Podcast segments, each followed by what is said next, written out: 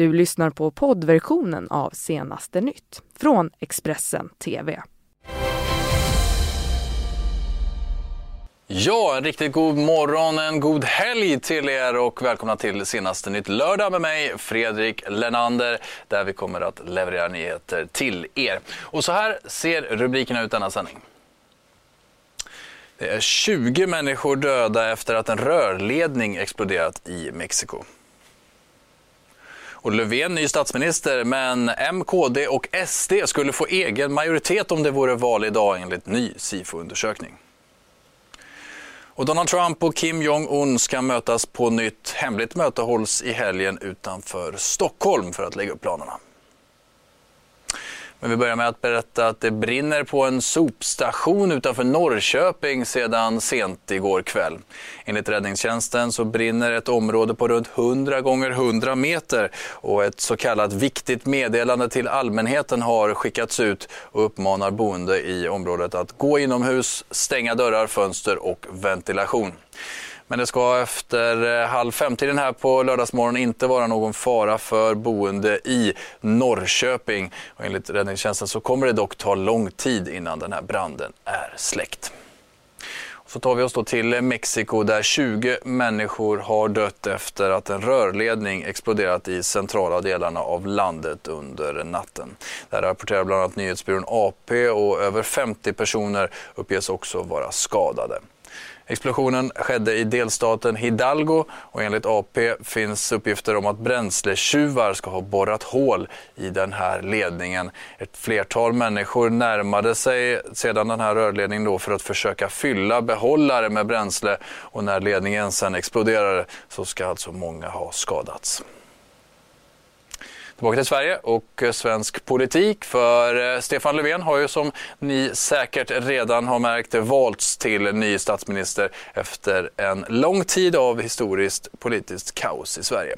Och det var nog tur för de inblandade mittenpartierna att det här januariavtalet kunde slutas. För eh, Svenska Dagbladet presenterar nu också den första opinionsmätningen efter den här blocköverskridande regeringslösningen och eh, mätningen från Sifo visar att Liberalerna har tappat rejält sedan valet och skulle hamna under riksdagsspärren med 3,6 procent. Även Centerpartiet tappar och är nere på 6,9 och ett valresultat i enighet med den här SIFO-undersökningen skulle ge Moderaterna, Kristdemokraterna och Sverigedemokraterna egen majoritet i riksdagen.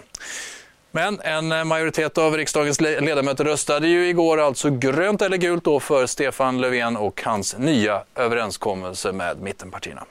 Eftersom mindre än hälften av riksdagens ledamöter har röstat nej har kammaren godkänt förslaget att utse Stefan Löfven till statsminister. Detta är det här avgörande momentet många har väntat på. Idag blev Stefan Löfven vald till Sveriges statsminister av riksdagen. Vänstern, Liberalerna och Centerpartiet tryckte guldknapp och släppte därmed fram S-ledaren. Det var bara en centerpartist, Helena Lindahl, som bröt partilinjen och valde att rösta nej. För talmannen Andreas Norlén innebär dagens statsministeromröstning slutet på 131 intensiva dagar. Jag tycker att det är bra att Sverige nu får en regering. Den här regeringsbildningsprocessen har pågått länge eh, och den behövde få ett slut. Eh, så jag är lättad över att det här nu har gått i mål. Jag är stolt över att den regeringen nu kommer att eh, driva på för en liberal reformagenda, men där vi också idag säger nej till att ge Sverigedemokraterna ett historiskt och unikt politiskt inflytande. Det var ju inte vår önskeregering. Vi hade önskat en borgerlig valseger. I det här läget efter fyra månaders kris så måste vi nu lösa situationen och ta ansvar för Sverige. Då är det här, i den här situationen den bästa lösningen. Däremot fanns det många som inte var nöjda över omröstningens resultat. Det kommer aldrig vara räddningsplanka för att den här regeringen som aldrig borde ha tillträtt ska kunna överleva leva, självklart inte. Det är klart att det är beslut som jag beklagar. Det är ett historiskt misstag att återigen ge Stefan Löfven ansvaret för, för Sveriges välfärd. Sverigedemokraternas partiledare Jimmy Åkesson hade riktat stark kritik mot det nya regeringssamarbetet redan inför statsministeromröstningen. Han visade sitt missnöje bland annat genom att kommentera Annie Lööfs klädsel och väntade inte länge på Centerpartiets ledares svar. Jag noterar också, herr talman, att den annars så nästan alltid grönklädda Centerledaren. Idag, dagen till ära, är iklädd rött. Jimmy Åkesson valde denna ansvarstyngda dag att eh, kommentera kvinnors klädsel. Låt mig notera att min kostym bär samma färg som Jimmy Åkessons slips. På måndag kommer Stefan Löfven lägga fram regeringsförklaringen i riksdagen och det formella regeringsskiftet sker vid en så kallad skifteskonselj tre timmar efter. Ingen fick allt. Alla fick något. Och den största vinnaren med januariavtalet, det är Sverige. Och på måndag så tillträder den regering nu som har att leda det här arbetet de kommande åren. Flera äldre kan ha blivit utan mediciner efter en stöld på ett vård och omsorgsboende på en ort i norra Sverige. För att eh, dölja den här stölden så tömde tjuven medicinkapslar med eh, morfin och opiater och återförslöt dem sedan. Det här skriver Norran om. Stölderna skedde mellan november och januari och enligt en Lex Sara-rapport kan händelsen innebära att eventuell smärtlindring uteblivit för patienterna. En internutredning har nu gjorts och en polisanmälan har upprättats. Fortsätter vi med att eh, USAs president Donald Trump och Nordkoreas ledare Kim Jong-Un nu återigen ska träffas. Det här bekräftar Vita huset och eh, mötet ska äga rum i slutet av februari. Senast de båda ledarna eh, sågs var ju i Singapore den 12 juni förra året och vår korrespondent Thomas Kvarnkullen lämnar den här rapporten från Washington DC. Ja, det andra toppmötet mellan president Donald Trump och Kim Jong-Un kommer att hållas i februari. Det här bekräftade Vita huset under fredagen.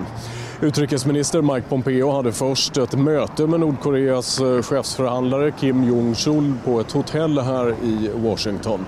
Senare ska man ha förflyttat sig till eh, Vita huset för ett eh, 90 minuter långt samtal med president Donald Trump. Det samtalet ska bland annat ha handlat om kärnvapennedrustningen och detaljer kring det nya toppmötet.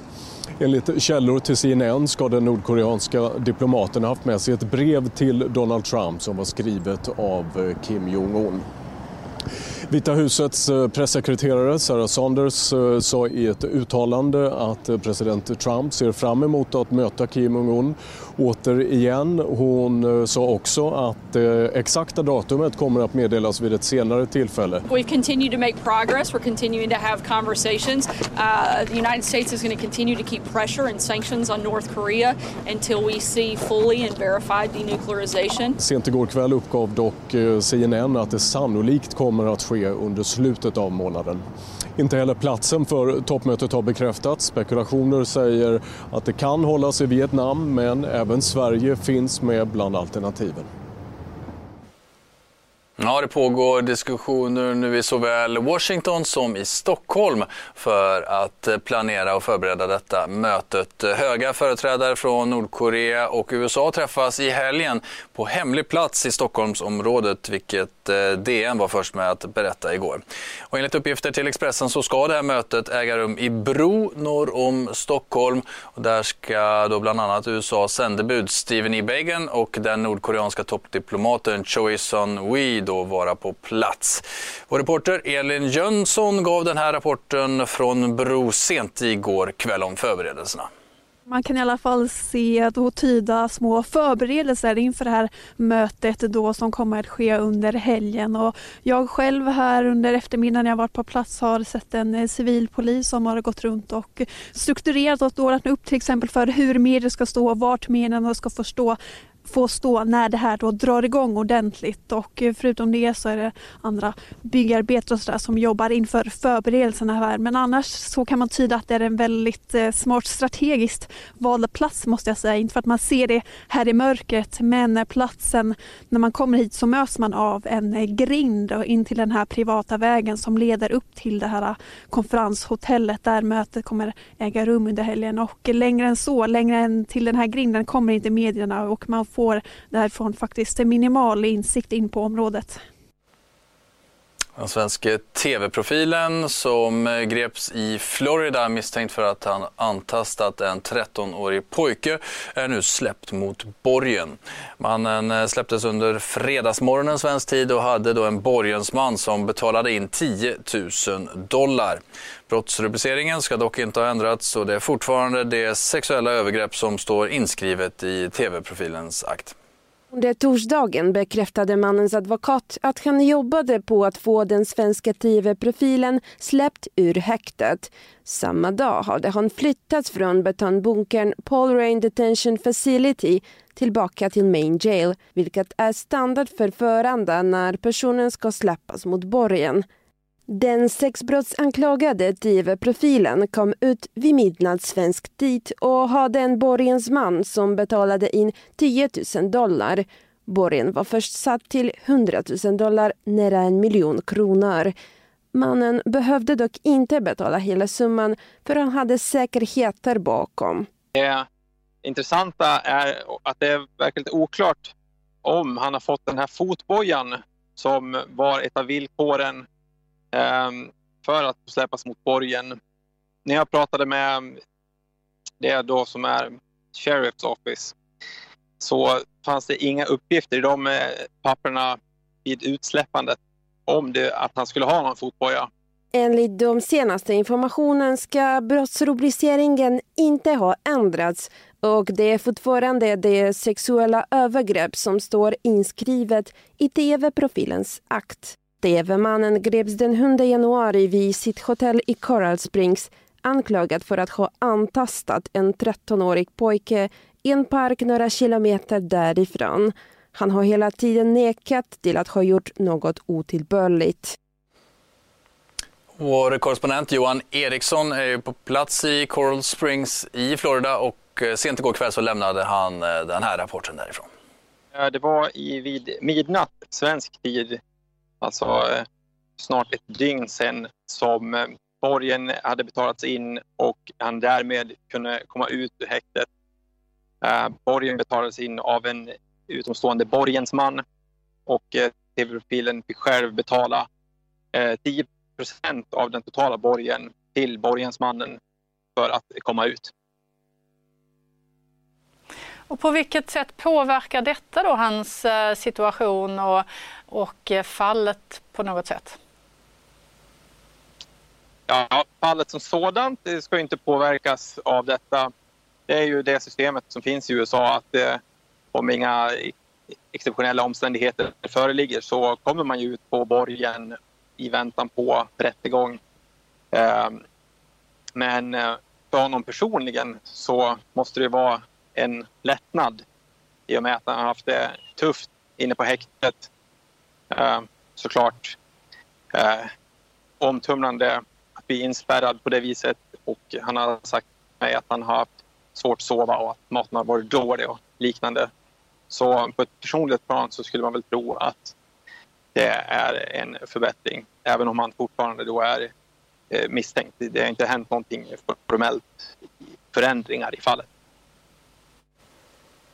Mm, det där var vår eh, nyhetssändning härifrån Senaste Nytt-studion. Vi fortsätter naturligtvis hela den här morgonen att eh, ge er eh, uppdateringar och just Senaste Nytt. Du har lyssnat på poddversionen av Senaste Nytt från Expressen TV. Ansvarig utgivare är Thomas Mattsson. Poddtips från Podplay. I podden Något Kaiko garanterar östgötarna Brutti och jag, Davva, dig en stor dos skratt. Där följer jag pladask för köttätandet igen. Man är lite som en jävla vampyr. Man har fått lite blodsmak och då måste man ha mer. Udda spaningar, fängslande anekdoter och en och annan arg rant. Jag måste ha mitt kaffe på morgonen för annars är jag ingen trevlig människa. Då är du ingen trevlig människa, punkt. Något Kaiko, hör du på Podplay. Därför är gardinerna.